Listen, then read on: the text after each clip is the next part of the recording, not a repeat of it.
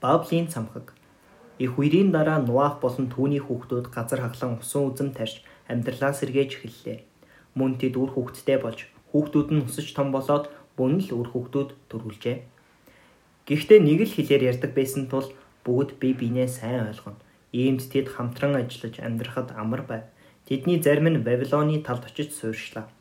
Тэд тэндээ тоосго цохиж түүнийгээ галж шатаан улам бат бих болгон сурч байв тоосгонуудаа нийлүүлээд шавар ашиглаж бүр барилгач барьдаг боллоо. Нэг удаа тэдний нэг нь өөрсдөө хот байгуулж хаач байхгүй тийм өндөр цамхаг барь. Тэгвэл бид нэр алдраа мандуулна гэжээ. Үүний бүгдээрээ уухаалан дэмжиж их л шаргуугаар Баблийн цамхыг барьж эхэллээ. Тэднийг хэрхэн ажиллаж байгааг ертөнцийн эзэн харж байв. Цамхгийн ханч өдөр тутам өндөр болж хүмүүсийн санаач улам нарийн болж байгааг тэрээр харж л байлаа. Энэ нь ямар муу юмд хүргэн гэдгийг ертөнцийн эзэн мэдэж байв. Тэдгээр хүмүүс өөрсдийгөө бүхнийг хийгч, бүхнийг мэдгч ухаантнууд химээ өргөмжилж эхэллээ. Ийм ертөнцийн эзэн цамхгийн ажил дуусхийг хүлээсэнгүй. Хэрв хүмүүс янз бүрийн хэлээр ярьдаг бол тэд бие биенээ ойлгохгүй болж хамтран ажиллахад ч хэцүү болно.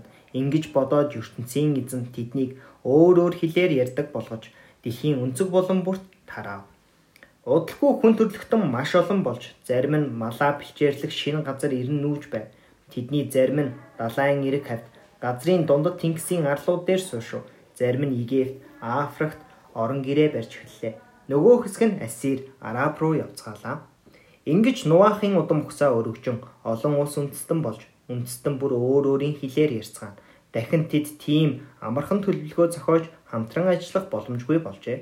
Хаанч явсан хүмүүс Байблийн аврах цамхгийн тухай санан дурсахдаа янз бүрийн хэлээр Бабел хэмээн ярьцгаадаг болжээ.